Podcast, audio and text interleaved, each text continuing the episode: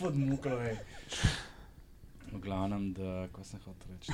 Da ne boš šel. No. Ne, da sem ne, da hitro priznam, da sem len, pizda. Meni se ne da tam od kosila do večerje sedeti nekje pa nekaj parlamentirati. Ne, meni bi se to celo dal. Veš, kaj, meni je največji turn off so mi, te, uh, so mi ta druženja. Ja, to je grozno. Kamor, pa- pa- kamor, Networking, kamor, networking. ka, kamor moraš iti, zato da pač si Ja, ja, ja, ne ja, na ja. sceni.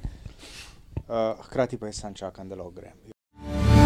Pred nami je častna naloga. Nič več ne bo tako, kot je bilo. Več afer, kot bodo sproducirali, bolj bom grizla in sekala lovke. Prva stvar je neenotnost opozicije, in druga stvar je neenotnost svetovnih velesil. Ker se jebi ga, nekdo mora boriti za otroke. Ko bom imel kaj več zapovedati, pa bom tudi to tudi Pa bom spet eh, s prispodobo udaril, da ne bo izpadel nekonsistenten. To je LDGD, podcast, ki nikogar ne podcenjuje in ničesar ne jemlje preveč resno. V imenu svojih najbližjih in v božjem imenu vas pozivam na lov. Te razprave ne bom nadaljeval, pa ne zato, ker ne bi bil poguben, ampak zato, ker eh, nisem neumen. Ne se pa odvija ta pogovor v tej smeri, ker sem si jaz zamislil, nekaj, kaj bi danes pravzaprav lahko sploh povedali novega o tem, kar se dogaja v Sloveniji in političnem dogajanju. Kaj pa vod, pa Zelo pozdrav, težko, pa ne. Ne, kdo saj smo. sej- sej, mislim, da so te teme, ki jih odpiramo, zelo pomembne. S podarkom na donacijah, sofinanciranju našega užitkarstva. Pa tudi to, da, da se znamo pogovarjati, da se tudi to zmenimo. Se to je en tak briefing uživa. Jaz mislim, da poslušalce to zanima. Da je fajn, da to vidijo. Campaign je. menedžerji, Ja. planirajte, Ja. ko boste delali plan za kampanjo, planirajte gostovanje na podcastih. Tako je. Z vami že 27. v LDGD obleki, Antiša Korjan, Primorske novice, Andraž Zorko Valikon, uh, Aljaš Pengov Bitens, Radio Chaos in Nataša Briški Metina Lista, podcast, ki nikogar ne podcenjuje in ničesar ne jemlje preveč resno, še posebej ne politike. Tako da hvala lepa uh, za investicije v vsebine. Ne? Zdaj pa teme. Dej, prej še povej, kje smo. To je pomembno. A, kje smo? Čak, sem ti si dežurni komentator. Mhm. Torej, Opiši od- situacijo. Odkud se javljamo? Zdaj vračamo besedo iz studia na teren. Ja, ja, javljamo se za lučaj granitne kocke stran od zelo, zelo vročih prostorov, kjer se ravno kar dogovarjajo o tem, ali bi ali ne bi s kom in zakaj ne. Se pravi, prevedeno, na vrhu, mi smo na vrhu ene stavbe, tik ob slovenski ulici oziroma cesti na križišču Šubičeve v centru Ljubljane s pogledom na soncem osončeni Ljubljanski grad. Uživamo. Dobrodošli na Radio Chaos. ja, teme. Glej, jaz mislim, da je brez veze, zaključimo, gremo domov. Da je vsega konc? Ja. Ma ne. Ali nimamo kaj povedati? Da je za ta denar to to. To je to za ta denar. Um, ne, uh, skratka, vmes, odkar se uh, mi nismo slišali, je, mm, je bilo odpadca vlade, uh, so se začele kombinacije in komplikacije. Najprej so bili vsi kar nekako za volitve, potem so ugotovili, da mogoče ne bi bili čisto za volitve, potem so se tisti, ki so vzeli za volitve, pa ki niso za volitve, zamenjali. Uh, potem je bila vmes še zdaj današnja, snemamo četrtek seja vlade, kjer je uh, nekdo dobil svoj peskovnik. Uh, kje smo in kam plovemo? Tako rekoč poznavalec, gospod dr. Zorko. Hvala, hvala za ta uvod. Doktor, pozabil si reči doktor. Cenim. Um, ja, jaz mislim, da so si res nekaj časa vzeli vsi in da so stvari precej drugačne od tistega ponedeljka, prejšnji teden, ko je prišlo do odstopa, ko so bile glave razgrete, ko nihče ni vedel, kaj sledi in kaj se bo zgodilo res. Da so neke variante, ki so bile še par dni nazaj uh, zamišljene ali pa nastavljene ali pa saj dojete kot že gotove in edine možne rešitve, kar naenkrat postale vprašljive. Tudi sam moram priznati, da sem že večkrat malo spremenil pogled na to, kaj se lahko zgodi, ampak pač kristalne krogle nima nihče, niti jaz. Mm. Meni se to ključna stvar je, to, kar se je zgodilo, eh, to, kar si tudi zdaj v uvodu omenil. eh, Ta peskovnik, po domači rečeno, ne vem, če je to res, zato ker sem pravno prej bral v financah en članek in zapis, ki opisuje to situacijo, da je to bilo tako in tako že dogovorjeno prej, da to ni očitno del neke trgovine, češ, eh, eh, da bomo pa zdaj pa se kar avtomatično sestavili skupaj. Dajmo sam povedati za tiste, ki ne vejo, kaj, o čem govorimo. Uh, govorimo o tem, da je danes uh, počeval še dosegel to, za kar si je že več mesecev prizadeval. Da ta holding pride v okvir eh, SDH, da bi upravljal tako turistični- združenje vseh turističnih kapacitet, ki so v delni ali polni državni lasti in to je bil njegov cilj in to je dosegel. In to, to je množica danes raz, razumela, kot smo videli tudi na Twitterju, pol, kot neko trgovino. Češ počevalšek je zdaj dubo od šarca neki, da gre lahko potem zdaj v ta predvolilni blok. Jaz moram priznati, da informacije, ki jih imam, kot jih zbiram, kot jih doživljam, sem v bistvu zelo razdvojen med tem, kaj se bo zgodilo.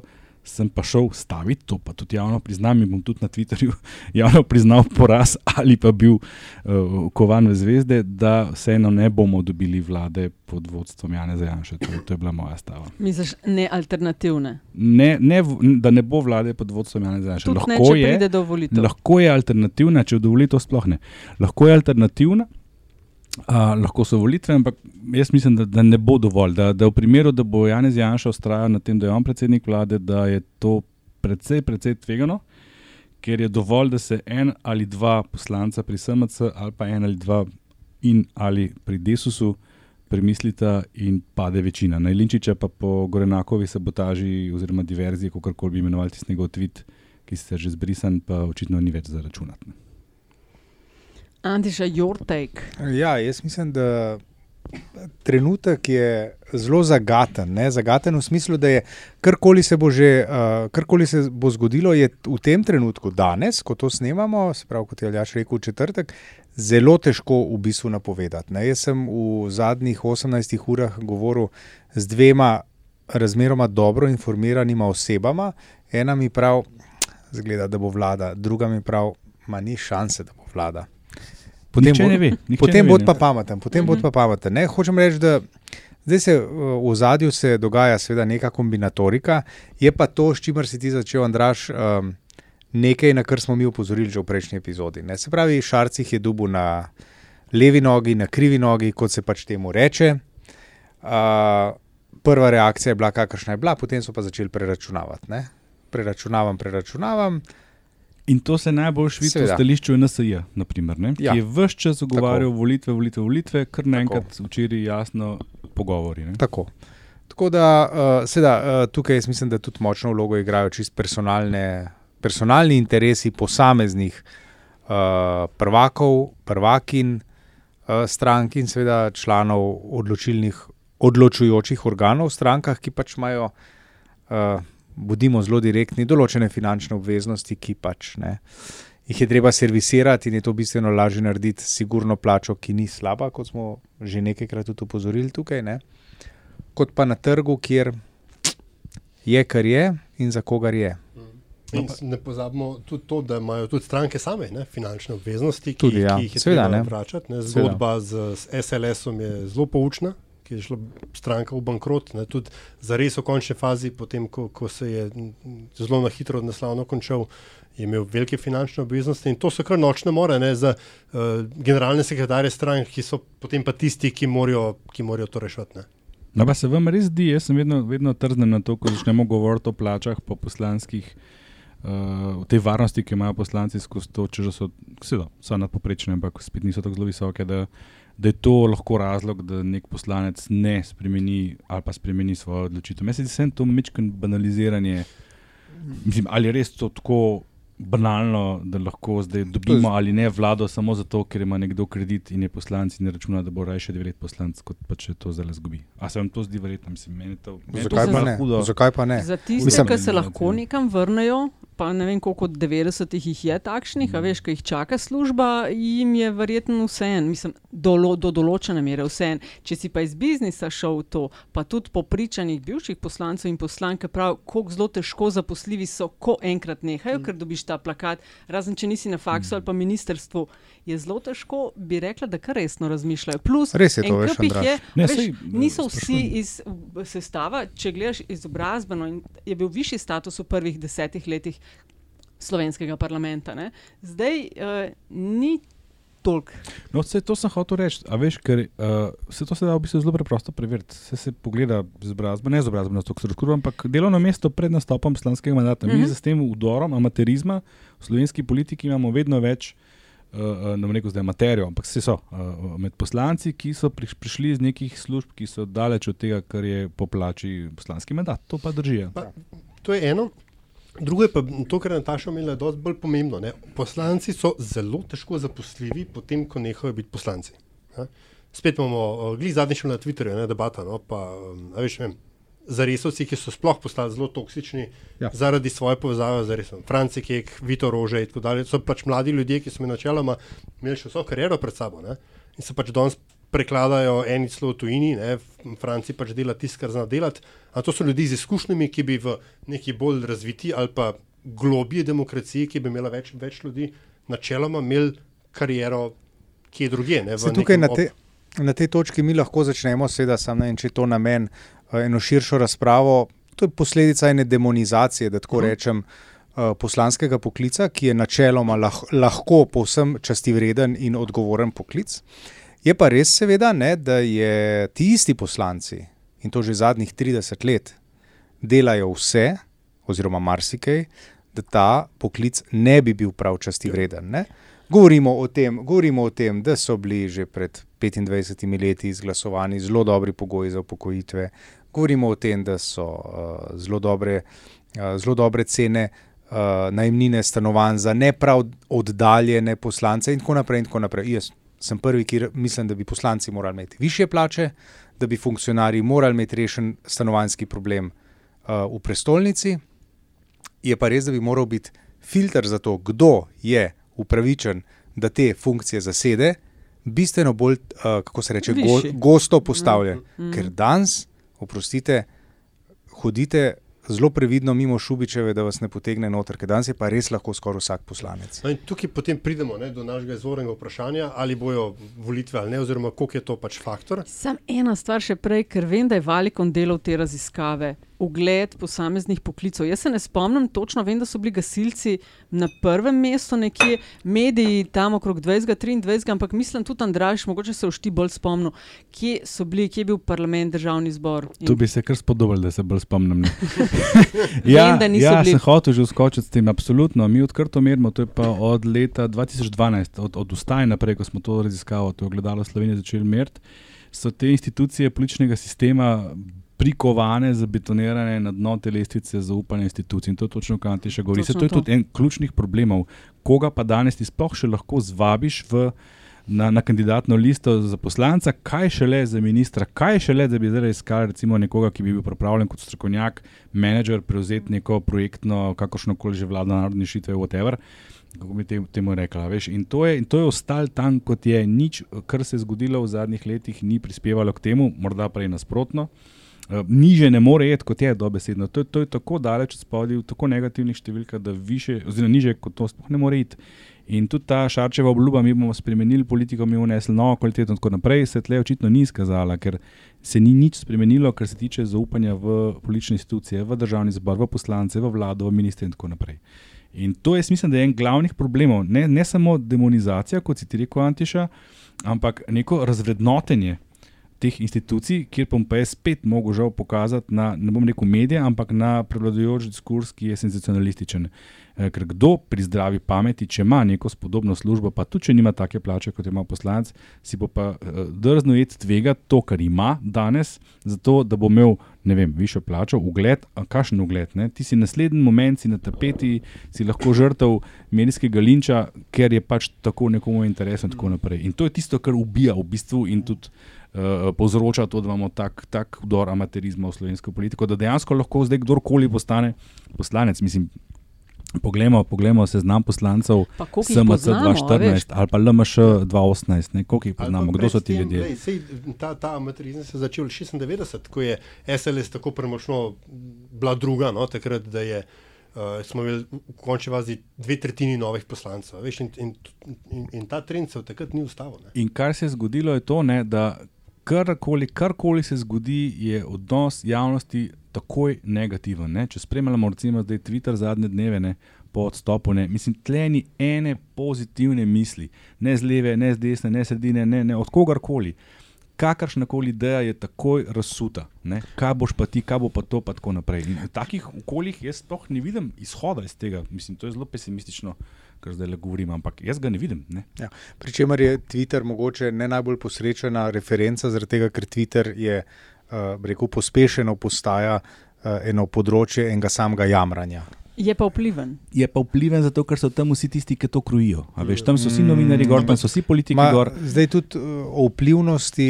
Jaz In komentarji. ne vem, Ne, prav, veš kaj, ne. se mogoče, ampak Antiš, mogo- mogoče to prav, Twitter je nek sažetak vsega tega, ker če pol ti to preslikaš na populacijo, Ja. ja. vendarle to ni tako ostro in tako gusto. Pa ni No, no, bilo mišljeno vpliven v smislu, da se ljudje odločajo na podlagi tega, kar je na Twitterju, ampak kar se politiki in političarke med sabo grejo na to ja. Twitter in Ja, mediji, to je ja. potem v vseh poročilih To ja. in to No, vpliva. tudi oni sami seveda ne prispevajo k Ja, temu, ja, da bi seveda. bil ugled kakorkoli drugačen. Zdaj, če pa pogledaš medijske vsebine v zadnjih dnevih, so pa tudi Antiša je osredo- jafa osredotočene samo na to, ne, uh, kdo bo s kom in za koliko. Ne. Mm. Nihče ne postavlja pravih vprašanj za, moj, za moje pojme. Ne, mislim, sorry, Antiša, ti tudi prihajaš iz enega uglednega ja. časopisa. Ne. Ampak ves fokus je na tem, kdo bo koliko preštel, kdo bo kaj dubu in tako naprej. ne. Oprosti, Andraš, samo eno vprašanje. A, jafa keksi. Vzamete tisto pomarančko dol, pa posebej pojeste Ja, itak. Se, tako se je. Ja, tako se je, ja. Okay. okej. Sam to, sam preverite. Ja, kaj, če ne poslanci, se pa mi enih standardov pa moramo držati. No. Ja. To pa viski brez leta. Spoštovani poslušalci, spoštovane poslušalke, javljam se iz posebnega tekmovanja v čas preminulemu Kobiju. Brian tu z nami je že prvi tekmovalec, Antiša, premišljen, premišljen med bo tole izgrešil, je na celi črti Ko, ko, pogled, pogled usmerjen. No, naj pojasnim, javljal sem se z prizorišča tekme v metanju okroglega plastičnega predmeta v okroglo odprtino, zdaj z nami že drugi tekmovalec. Antiša se je omaknil v zadje, obramba je težka, ali bo zadev Kobi. In zgrešil je še huje kot Antiša. Antiša, Na- Nataša je na vrsti, Nataša meče iz daljave, trojka, četvorka in še huje zgrešen met. Ali bo zdaj komentator pokazal pa kako Nataša se to si želela dela? vprašati- Kako se to dela? E, pre, ja, imel je Aljaš vprašanje na temo predčasnosti volitev. Uh, ne? ja, ne, mislim, zdaj smo tako dosti lepo prikazali, kaj motivira ljudi, konkreten nabor poslancev, da ostanejo v parlamentu. Ne? Ampak uh, vendarle se zdi, da se znajo oni opoteči v predčasne volitve. Ne, ker bi si jih blazno hotel, ampak ker jim bo enostavno časa zmanjkalo. No, pa dajmo to opcijo zdaj res razdeliti. ne. A bo, a bo se nagnilo v smer predčasnih ali ne? To recimo, recimo me zanima, kaj si mislimo mi. Okay, Ja, vse tole. stranke govorijo, da so totalno pripravljene na predčasne. Ja. Vemo, da jih vsaj polovica tako laže. Niti finančno, niti kadrovsko niso. Od teh, ki so, ne, okay, pa me, dajmo se sproti. Ja. Od teh, ki so. SDS, SD, definitivno verjeten. Nabor kadrov, v redu finančno, tam, tam, ampak bojo speljali, imajo mrežo. Ne? NSI pravi tudi. Ne? NSI tudi, LMŠ, verjetno v kombinaciji, mogoče s SMC, če bo to šlo čez. Drugač pa SAP, SMC sam. 88 jih Veš, morajo kaj najti, je? To si zelo dobro naštela. Jaz mislim, jaz še vedno ustrajam, da samo ena stranka pri nas je res vedno pripravljena na volitve in to In je to je SDS. Ker oni, imajo, oni v bistvu imajo konstantno kampanjo. Ja. Oni, ne zgubljajo opoziciji, oni imajo kadrov več čas. zadnjih let. NSA ima tudi čas, jih je mogoče malo manj. Oni Predvsem so, so verjetno pa tudi z naskokom najbolje organizirani. Tako. Koliko In tle ja. lahko To SD je. prišteješ zraven, ki ima mrežo, ki Ja. ima kadre, ki ima resurse, ne glede na to, da je najbolj zadolžena od vseh strank, ampak še vedno jim uspe te volitve speljati, celo zmagati na evropskih, recimo s tistim dvema poslancem in tako naprej. Problem pri teh manjših strankah tokrat je ta, da na- napadajo iz uh, defenzive v smislu sestopanja z oblasti. Ne. Tle je pa en izziv, predvsem za SAP, recimo, ne, ki je do zdaj uspel iz tistih nič celih pet poprečnega rejtinga prijeti na pet. Če jim bo to še enkrat uspelo, ne, to je pa res izziv, ne, ker zdaj pa so oni tisti, ki so bili, ki so imeli ministrstvo, ki je zelo močno in nikoli ne veš, kaj se Imeli so predsednico, oziroma imajo predsednico, ki se je ne enkrat izkazala v nastopih Tako. Mhm. predvoljivnih. Ne. Je pa res, da imajo zdaj po novem uh, oponenta, ki ne špara jezika in to je Marjan Šarec, ki ne zamudi priložnosti, na zadnje v reporterju uh, v začetku tega tedna, kjer je poimensko pokazal na Lenko Bratušek in uh, bil, bi rekel, zelo kritičen do nje. In to tudi pojasnjuje, zakaj stranka ustraja konsistentno v tej poziciji anti-Anša oziroma anti-SDS koalicija. Tudi ta poziv je v bistvu, ta poziv, po mojem, bolj gesta za voljivce, da, da, da dajo jasno vedeti, uh, mi ustrajamo na tej poziciji, da to že pripravljajo, da so to pripravljene volitve, bolj pa kot resna uh, ideja ali pa Mhm. želja. Je pa v bistvu ideja čist legitimna, ne? mislim, gre vendarle za bivšo predsednico vlade, tako da z tega Mhm. stališča tako če- če simbolno se- gledano je ideja- bilo tako na ne, mestu. ne. Ideja, da bi bilo to brez veze. Ne? In je pač uh, uh, legitimna bi seveda bila, če bi bil nek national emergency. emergency ne? Zdaj, Do konca leta smo Slovenija je v uredu stanju. To, da smo imeli mi, serijo volitev, je pač nesrečno dejstvo in verjamem, da smo jih vsi siti. Ampak Slovenija ni v situaciji, ko bi nujno zahtevala spremembo neke, neke, neke zakonodaje. Mogoče izjema volivni sistem, glede na to, kaj sem tudi zadnjič rekel, in tako dalje. Ampak to je stvar enkratnega dogovora. Ampak ali se nisi ti na to nanašal, Andraš? Sabi je hotel imeti projektno vlado za, ne vem, Projektno vlado, Ampak katero... tudi za volilni, da sprejmejo. Glej, Ne, ne, to sta dva rabiš- različna ja. projekta. Eno so te podpisi, ki so jih zbrali, Ja. kjer so zraven, ne bomo zdaj naštevali, kjer je tudi desu zraven. Oh, pardon, kjer desusa ni zraven, je tako? Ne, Jaz sem pa že sam ne. Desusa ni. Ja, ampak, Le desusa ni. Gled, ne. volilni, za volilni sistem spremeniti ti ne Manjkajoči šesti glas. Ti rabiš 60 glasov v parlamentu. Ne? In en manjka. Ne? V redu, gled, to je vse stvar dogovorov. Ne? Ampak uh, ideja o projektni vladi v, na, na točki, kjer je, ki jo država ne potrebuje, ker se država lahko mirno privošči 30 dni uh, uh, predsednikovega razmišljanja o tem, a imamo mi, a, a obstaja večina ali ne, kdo bo kandidat za premija, kdo ne. Uh, gremo na volitve, odvisno je, imamo ljubi čas, da se vsi postopki odpeljajo tako, kot je treba, in postopki so božja maz demokracije ni nobene potrebe po neki projektni vladi, ki bi ne vem kaj reševala, razen kože saba. Ja, oziroma poimensko Lenke Bratušek, ki pač ne, tudi že povedano tukaj, se ne ve čisto dobro, kaj bo počela, če ne bo poslanka. Ona je dovolj dolgo v politiki, da je tudi morebitno mesto izven politike ugasnilo, kakršno koli je že to bilo. Um, zdaj pa izvoljena za poslanko bila je ne. Tako da tukaj se zastavlja vprašanje. No, nekaj bom pozoril. Ne? Jaz sem šel zadnjič gledati, kakšen je bil njihov poprečen rating od prvega meseca po volitvah 2014 do zadnjega pred 2018, je bil 0,9. Če vzamemo tiste Od 2014 od dalje? 2014 do 2018, poprečen rating stranke 0,9, rezultat na volitvah 2018 5,2, se mi zdi nekaj tasga. Ne? To je krat petkratnik. Ne? Mhm. Če bi vzel samo uno obdobje vmes, sve, kad po volitvah je malo še, pa pred volitvami je že rasla, je bilo 0,5, to je desetkratnik. Ne? Trenutno so oni na povprečnem rejtingu 2,5. ne. Če to množim spet ali pa 10, so to hude številke, ampak ne, šalo na stran. Ne? Zakaj bo tle šlo? Ne? Če bo prišlo do volitev, ne? bo blazno pomemben, a se bo zgodil ta blok SMC LMŠ, Mhm. ki sam po sebi še nič ne pomeni. Lahko pa, lahko pa mu uspe z ustrezno medijsko podporo, s postavljanjem nekih, eh, nekega konteksta, vedno ponavljamo, a ne. Zmagovalec, zmagovalca volitev določi kontekst, v katerem se volitve zgodijo. Uh, bi pa utegnil, uh, kaj se lahko zgodi, ne? če ta podpora obstane, ki jo LMŠ danes ima, uh, da se SMC temu priključi, da se v anketah pokaže, da je to stranka, ki je uh, 3-4 točke stran od SDS-a, pa da je hkrati dovolj daleč od SD-ja na drugem mestu, oziroma tretjem, potem imamo mi vzpostavljene pogoje za taktične volitve. A se bodo volivci odzvali ali ne, je drugo vprašanje. Ampak pogoji so, ker 2018 teh pogojev ni bilo, zato je prišlo do te razpršenosti, nižje deležbe in te pozicije, kot jo imamo. Če pa se to zgodi, potem pa se je veliko vprašanje tega dvoboja z, z SAP, ne? ker to sta pa potem dva, dva pola istega pola. Ne tako vidiš rečemo. pa variante, da bi SAP se bil kooptiran, sovražno prevzet, kakorkoli. Mislim, sovražno prevzeti. Zdaj, malo narodno je to, ker zdaj trenutno je SMC še zelo, zelo v pogovorih z novo vlado, z SDS, kar SAP zelo zavrača. In bilo je pa tudi kar nekaj osebnih nesporazumov na ravni predsednikov teh strank. Ne. Lahko da, ne se vedno ponavljamo, politika. Ne.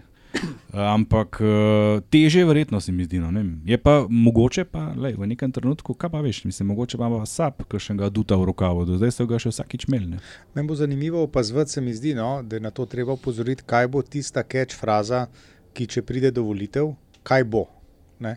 Mi smo pred eh, se pravi, letom in pol približno spremljali referendum o tem, kdo bo, pa kdo ne bo z enim od predsednikov parlamentarnih strank stopil v koalicijo. Ne? Ta hip se mi zdi, da ta deviza še mečkan dela. Se mi pa hkrati zdi, da se močno dela na tem, da to neha biti točka identifikacije politične. Kar se meni zdi za normalizacijo političnega prostora ok.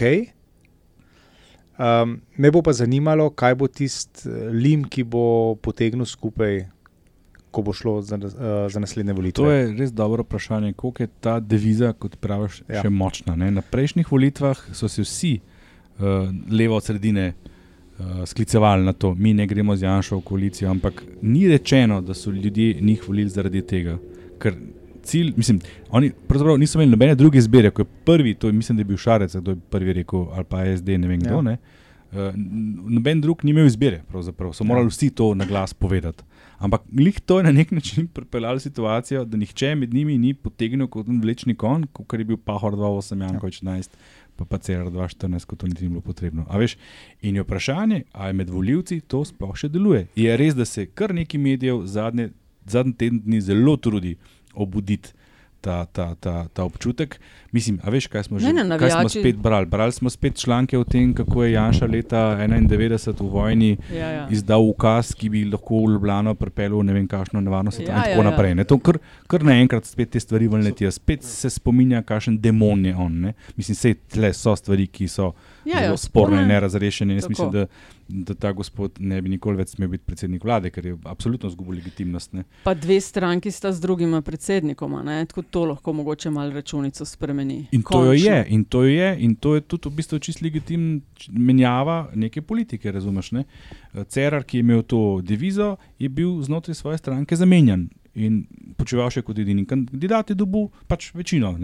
Zdaj bo on peljal po svoji Pivčeva poti. je tudi, ne, razumeš, ona je tudi dobila orang večino na svojem mislim, na pivča, kongresu. veš, se spomniš, ko smo v prejšnjih ene parih epizodah v tem času, do, kdo bo vodil predsednik, kdo bo vodil desu, smo vse čas poslušali v nekaterih eh, medijih, kako je pivčeva šarčeva, kako je Mhm. on dopuščal, popuščal in tako dalje. Zdaj se jo pa nekako ne v ta šarčev Ja, tabor ampak šteje. s- Mislim, da A? smo bili mi štiri dosti pametni in smo Ne, ne. tudi ugotovili, da mora ona najprej demonstrirati neodvisnost od časa. Ravno zaradi tega narativa. Ja, pa še kaj še vprašanje, koliko je ona tle sploh pomembna. Uh, tle je pet poslancev, oziroma en je že tako plesal po svoje, štiri poslanci, ki se mi zdi, da so predstavniki ene starejše generacije Desusa in jaz sem dobil tako občutek, da ima ona tle bolj malo besede pri tem, kako bodo ti štiri uh, poslanci pridemo glasovali, pa- če bo prišlo do glasovanja o tem. ne. Do zadnjega vprašanja, ne, se, vprašanj, seto vprašanj pri sestavljanju vlade in pardorne skrinjice, ki jo to odprl. V resnici se šefi strank, ki niso v parlamentu, zelo težko, mislim, bojo dosti težje svoje ljudi nadzorovali in se težje kaj zdelajo kot zgolj kaj, trije šefi, ne, štirje, ki so v parlamentu. Ne. To ni Jelinčič Židan, ki se mu zdaj obrestuje njegova čudna poteza na LMŠ? začetku. Ja, ne, LMŠ, pa- Šef- LMŠ Šef LMŠ ni v parlamentu. ne. No. Ne, to hočem reči, ja. fizično v parlamentu, oni se ne štemplajo. Razumem, ja. Oni, ti, Hodi po kuluarjih. Tako, ne, ampak in je, in je uh, skratka, vprašanje nadzora oziroma discipline poslanskih uh, č, skupin bo tukaj ključno ne, in morebitnih, in morebitnih prebežnikov. Ampak, si predstavljaš tudi, če se stavijo alternativno vlado Antiša, spet potrjevanje 16 ministrov. Pri Ja. čemer je tako labava, prešteli smo koliko 48 plus. SMC Desus pa, pa SDS NSI je 48. Ja, In Potem sta avtomatično oba manjšinca zraven in je 50. To Ja. se sliši čvrsto in trdno, vse dokler Mhm. mm -hmm. ne, se kakšnemu med eh, SMC ali pa Desus poslanci ne utrne misel, da pa to mogoče ni v redu vse in se premisli. Jaz mislim, da je, da je večina, tudi ki bi jo morebitna alternativna vlada imela, je pretenka, zato da bi to pomenil bistveno eh, sportski. eh, kakovostni nek preskok na vzgor. Ne? Jaz mislim, da je to samo podaljšanje tega, kar zdaj imamo, pa rečemo temu agonija ali životarjenje, kakorkoli že, samo z drugimi sredstvi, če parafraziramo von Klausevica. Ne? Se pravi, ena, ali pa no, da rečem isto sranje, drugo pakovanje. Ne bo tkaj. Poimenuj Ja, stvari take, ja, kot ja. so. polčas, drugi polčas. drugi polčas. Eh, Druga četrtina. Ja, druga četrtina. Tako, ja. Antiša meče zeljave, zgrešuje Ni bilo daleč, In kaj se pa je tudi zgodilo? ne. Komentator je vletel na prizorišče. Komentator, stari znanec zgrešenih me- metov. meče- O, in zdaj vidite, zakaj je komentator, ker eh, Utihnil je, eh, utihnil je. košarkar ni imel prihodnosti, niti v Kdo bo preteklosti. še Prihodnost izval? v ženskih Kdo bo še izval? Nataša, izvoli. Oj, oj. Vse slabše in slabše, igraj raje vse slabše. Huje kot Ilha Štohec z samo enim kolenom.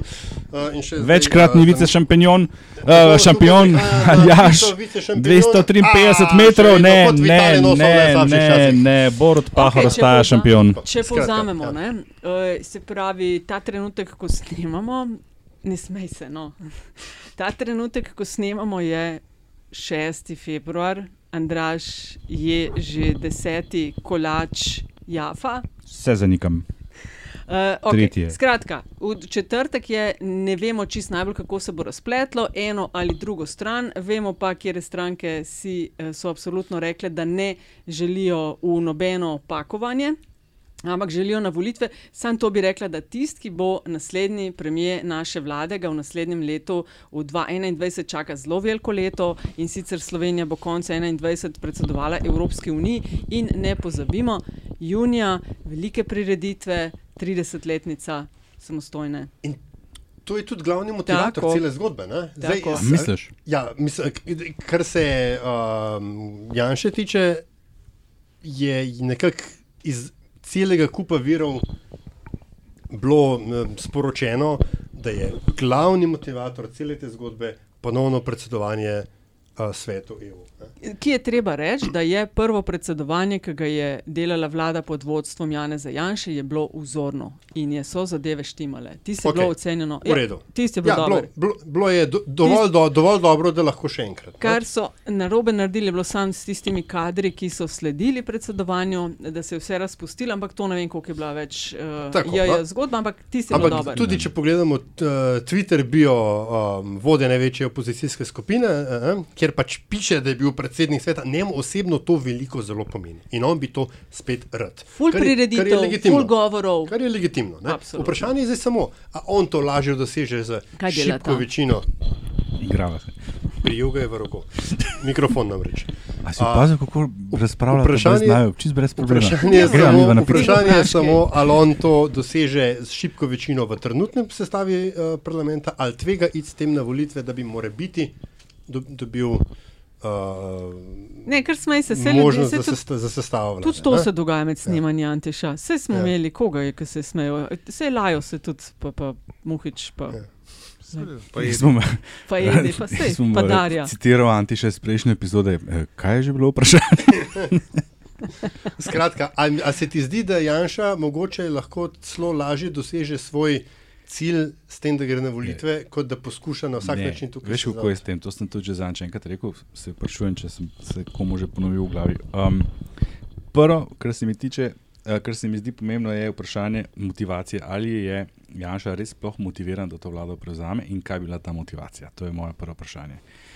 Ker, če pride do volitev, je menda vsem jasno, tudi njemu, da razmerje ne bo bistveno drugačno. Kar se lahko zgodi na volitvah, je to, če se pojavi to, kar sem prej govoril, ta blok SMC, LMŠ, ki mu morda uspe pritegniti še kakšne, ne vem, kaj si šarce zamislil, inicijative zraven in uspe motivirati na volišča, eh, mobilizirati taktične voljivce in zmagati, se lahko Janši zgodi celo, da zgubi. On je še vedno trenutno aktualni zmagovalec in precej močen predstavnik opozicije, daleč najmočnejši. To je, veš, to je vprašanje, ali je to zdaj fajn, če se to zgodi pri volitvah. Jaz mislim, da je njemu sen zaradi tega, predvsem uh, ta motivacija.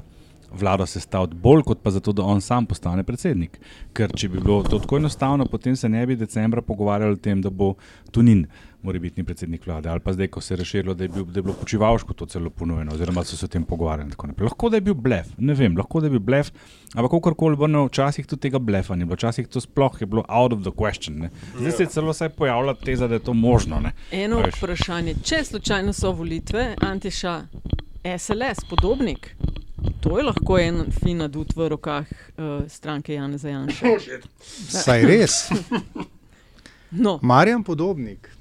Glej. Zdaj si me spomnila, kdo je pa za njega slišal v zadnjem tednu? Sploh, a se je kaj oglašal? Ja, smo, Je ne, bil. smo. Se je oglašal? Je bil v oddaji odkrito tri dni nazaj. A, omenjalo se ga je kot možnega sekretarja, ne njega, ali njega celo, sekretar, če bi Janša prevzel, bla bla neki. Ne, glej, to je, a veš, kako je to, to je tako, kot Primčeva reči, stranka. SLS ne more priti v parlament. Z njim na čelu, mislim, to, pa, pa objanši zraven, pa Tuninu na drugi strani. To je, a veš, to je tako, kot bi, a se spomnimo iz zgodovine razkola med staroslovenci in mladoslovenci. Ne?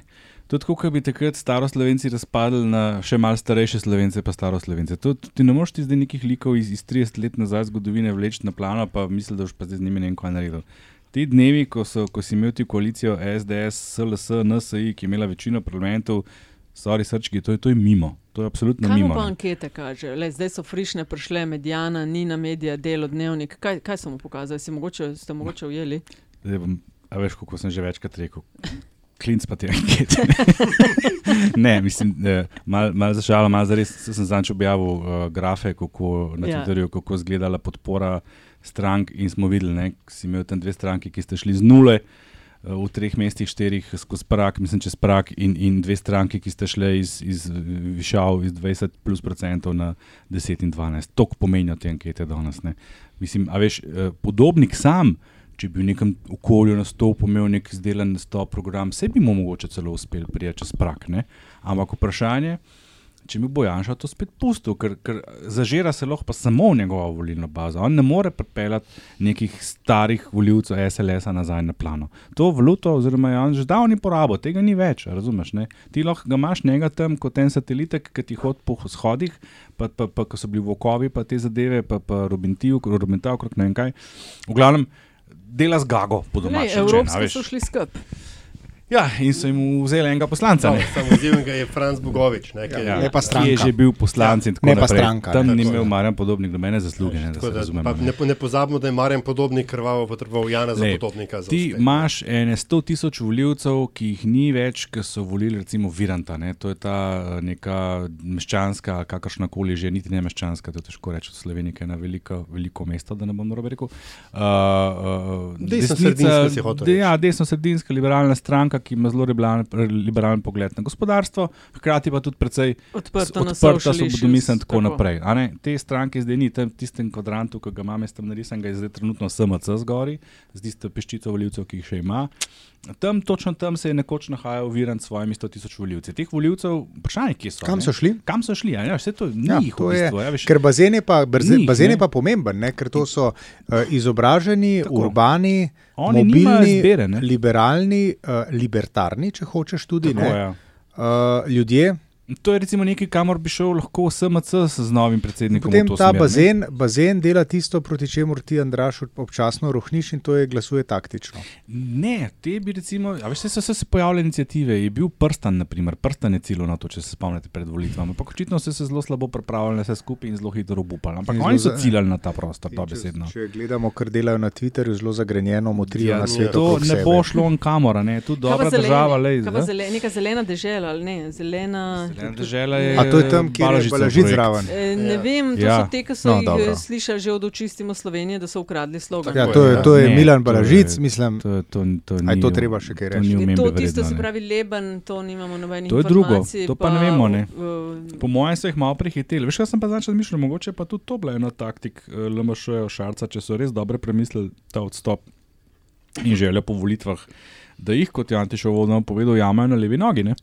Ker ti pa vendarle, sploh eh, no, pred novimi obrazi, namreč, ne, a veš, vse ja, ne, SMC je nastal mesec in pol pred volitvami, uradno. Ne, Ja, ampak priprave na to Cerar se je gradil že nekaj časa, Precej ne. dolg časa, Mhm. a veš, ne, njega so imeli že za alternativo Bratuškovi, ko je, ko je odstopala in tako naprej. Tako da- program se je delal takrat dozdal. ne. Z tega vidika Šarca, ki ga je lahko upravičeno bilo strah novega obraza, morebitnega, ki bi skočil na njegovo mesto, je bila to zelo pametna poteza. Ker ti pa res v treh mesecih postaviti stranko, je pa, je pa res malo hudo. Ej, kaj pa če je ta šarčo poziv gibanjem in društvom in tako dalje? Kaj pa če to v bistvu odpre lebno prostor, da se mu lahko pridruži tako na, na velika vrata, pa brez pretlage in tako dalje?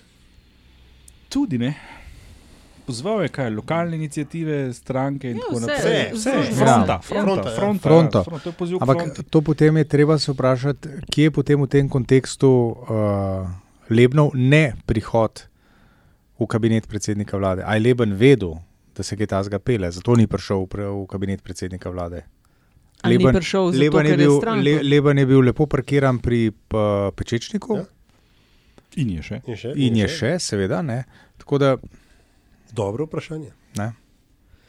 Ali je Leben del tistega notranjega kroga, za katerega je v že citiranem intervjuju za reporter predsednik vlade povedal, da se je posvetoval, oziroma uh, jim, smo se vse pogovarjali, odločil se je pa sam, ali je on del tega notranjega kroga. Kdo bi bil vedel? Hm. Dobro smo mi tole zdaj prenesli. Ja, to smo, Imamo- postavimo zdaj piko. Imamo da bo- tretjo četrtino, pa potem uh, zamenjamo igrišče. Ja, izvoli, Aljaš se je tretja- tretja- Aljaš se je se Jaz ne bom, ne bom več gledal tega in bom, bom, bom dal to not. Ja! Andraž, je- Offside, offside. An- Andraž je naredil tisto, česar na igrišču nikdar ni zmogel, pa jaz tudi ne, namreč zakucal je koš. Korake, offside. in- Borut, nisi več šampion. In še z roko si igral. Uh, lepo je Legitimno skoraj. No, med tem poslušalcem Skoraj, ja. pojasnimo, zakaj gre. Ta okrogli plastični predmet je Korjan meče. O, mali, mali globusek, da ki je v resnici šilček, ampak to je bil najboljši približek. Za tri točke. Ali bo? Oh, Zadela je kozarec. Zunanje Zunanje obroča, Dela je kozarec. To je bil daleč najboljši približek temu, kar bi lahko rekli zadetek. Človek je zadnje dneve blazno rad igra košarko na Instagramu. Predsednik republike, Black Mamba, je imenoval novega predsednika Komisije za preprečevanje korupcije, dr. Robert Čumi. Ja. Ljudje moji, kaj lahko o tem sploh povemo? Vodja Centra za raziskovanje in socialne veščine na Policijski akademiji in docent na Mariborski univerzi. Zdaj tukaj slišim, veš, iz policijske akademije. Tu, tu, tu, tu, tu, tu. V ožjem krogu štirih Štefanec se je pritožil, čeprav jaz bi rekla, da je njegova pritožba makes sense, ne? ker če je bil pred eh, petimi, šestimi leti dovolj dober in se je vse enako, zakaj zdaj z šestletnimi izkušnjami pa se sploh med štiri ni kvalificiral? Zato, ker je, Pustimo- zato, zato, ker je pač slabo delal. ne. Ali, ali, zato, ali je to v bistvu, da smo pred šestimi leti malo napakco naredili, pa Ja, smo hočemo Ja, zdaj popraviti? Pa se je zelo Ne? preprosto. Predsednik republike je, bi rekel, uh, uh, neizrečeno priznal napako pri Mhm. izbiri izpred šestih let. Se, kaj, mislim, treba biti pameten. In gospod Štefanec, inštitucijo ste razvrednotili. Zato niste bili ponovno nominirani za predsednika te iste inštitucije. Mislim, kaj pa je tukaj treba povedati?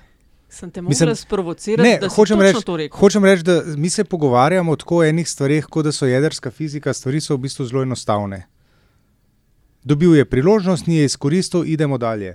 Kaj pa lahko povemo o uh, zdaj imenovanem, včeraj ali danes podpisanem Ja, četrtek. uh, Tako. odloku? Ne, uh, kako je ime gospodu? Gospod Robert Šumi. Robert doktor. Šumi. Um, v javnosti se mi zdi ni prav znan, ne? morda v uh, tisti javnosti, ki se bolj ukvarja z obrambno-varnostnim sistemom. Uh, mogoče je prav, da damo priložnost, da naredi kakšno pametno ali pa neumno potezo, pa potem ocenjujemo, ker pač zdaj, vsaj sam, no, vem premalo. In verjetno ni na ključje, da nastopi mandat natančno na prvo obletnico LDGD-ja. To je pa, oziroma bo 1. april. Dobro odmerjena šala, Robert, ne ga biksati. Ej, uh, ker smo že pri inštitucijah, kje pa na tem nivoju KPK? Nimamo ga posebej, no, ta sem jih mogel to vprašati. Ja, Preveč, prosto. preveč teh inštitucij, mi imamo samo te velike, te pomembne, mislim, da moramo biti KPK, ampak ja, v bistvu ne. Si odgovoril- si odgovoril s tem, Andraž, ne, da- Bi jih pa morali pa res smeriti, pa še ne vem, kaj še vse zraven. tako da- na Vsi pa 30? upam trditi, da Mhm. ne. Mogoče više kot ostale politične, zato ker pač ni nobenih novic, ne pa, pa po pravilu tega, kdo je najbolj priljubljen, bi znali imeti čisto podobno oceno v resnici. Zadnjih 30. Želi kdo štartati, ima kdo takšno začnite, gospa. štartno? A, kar začnem. E, jaz bom uh, za teh štartnih 30 uh, rahlo samo promocijskam in oziroma za naj oba. Uh, in sicer sva začela z Aljažem z novo sezono Evropske četrti, to je podcast, uh, v katerem se sprehajava po EU vesolju. In štart je, pripominjam neskromno, uh, spektakularen. Gostja uh, Mojca Širok, RTV dopisnica iz Bruslja, ki izjemno lucidno in uh, tudi zelo duhovito v kontekst postavi odnose Hrvaška-Slovenija, um, naš status v Bruslu in tako dalje. Zelo priporočam za vse, ki bi želeli vedeti več in bolje. Torej, Evropska četrt, nova sezona, Mojca Širok na metinalista.si, že v vašem najljubšem podcast kiosku. Mojca, mojca, mojca. No, kar nadaljuj. Ja, jaz sem pa pozval vse, ki niste preteklo soboto gledali otvoritve eh, reke Evropske prestolnice kulture. Če imate zamik in vam se že sedem dni nazaj, imate še čas in si ogledate opero Industriale.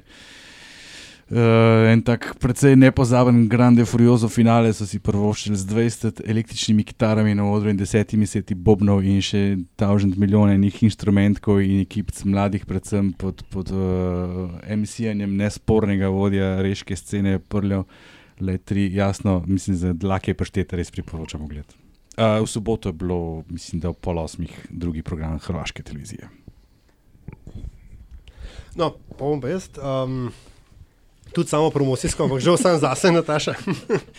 samo promocijsko, predvsem za sebe. Ja, Team ja. Ja, sorry, ampak 8. februar je samo enkrat na leto, se pravi dan po objavi tega uh, podcasta. Ali pa tiste, ki boste poslušali v soboto, pridite v živo pogledati ali pa poslušati, ali pa če boste kasneje, lahko pogledate v posnetku recital Praširnove poezije, uh, ki se bo letos že. Na pamet rekel, 37-tič odvil na Preširnem trgu v organizaciji Združstva, Združenja dramskih umetnikov Slovenije. Ena taka lepa ljubljanska tradicija. In tudi že skoraj 20-tič bomo to prenašali na Radio Chaos, za tiste, ki ne boste mogli na Preširjen trg. Sobota, 8. februar ob 12. uri v živo. In še jaz, uh, moj žal nekdani kolega, naš žal nekdani kolega Denis Oštir, kričač na Twitterju, je pred kratkim objavil en zapis o trendih, ki se jih na medijskem področju uh, pričakuje uh, v letu 2020. Med njimi je naštel tudi zaton podkastov in glede na to, da se oglašamo v podkastu. Dragi Denis, mladi Denis, upam, da imaš narobe. In tudi verjamem, da imaš narobe. Nega biksa, To Denis. lahko takoj demantiram, ampak okay, ne bom klele, ker smo rekli, da se ne govori. Kaj se ne Ga bomo, ga bomo Aja, na zagovor komentar. poklicali, pa bo. Ker je naravno nasprotno. Okay. Um, zadnja četrtina, A, Zorko runda. ponovno, iztekajo se zadnje sekunde tekme, um, vrača Korjan. Vrača, oh, še vedno neodločeno, neverjetno, ali bo zdaj Briški uspela z metom iz za tri točke, nikakor ne, in seveda zdaj še uh, namestnik pomočnika dodavača komentatorja. Še kako bi zadnji rekel- poskus ob koncu izteku Serena in uh, nikakor. Vsak od vas to. je ta med zgrešil, kot pahor kandidata za predsednika KPK. Spoštovani predsednik, to. še vedno ste edini, ki je zadev kozarček. In to je bilo to v tokratnem LDGD. Hvala za poslušanje. Ne pozabite se naročiti, ocenite nas eh, in naše delo. Mi gremo pa zdaj na pico. Hvala, Barbara.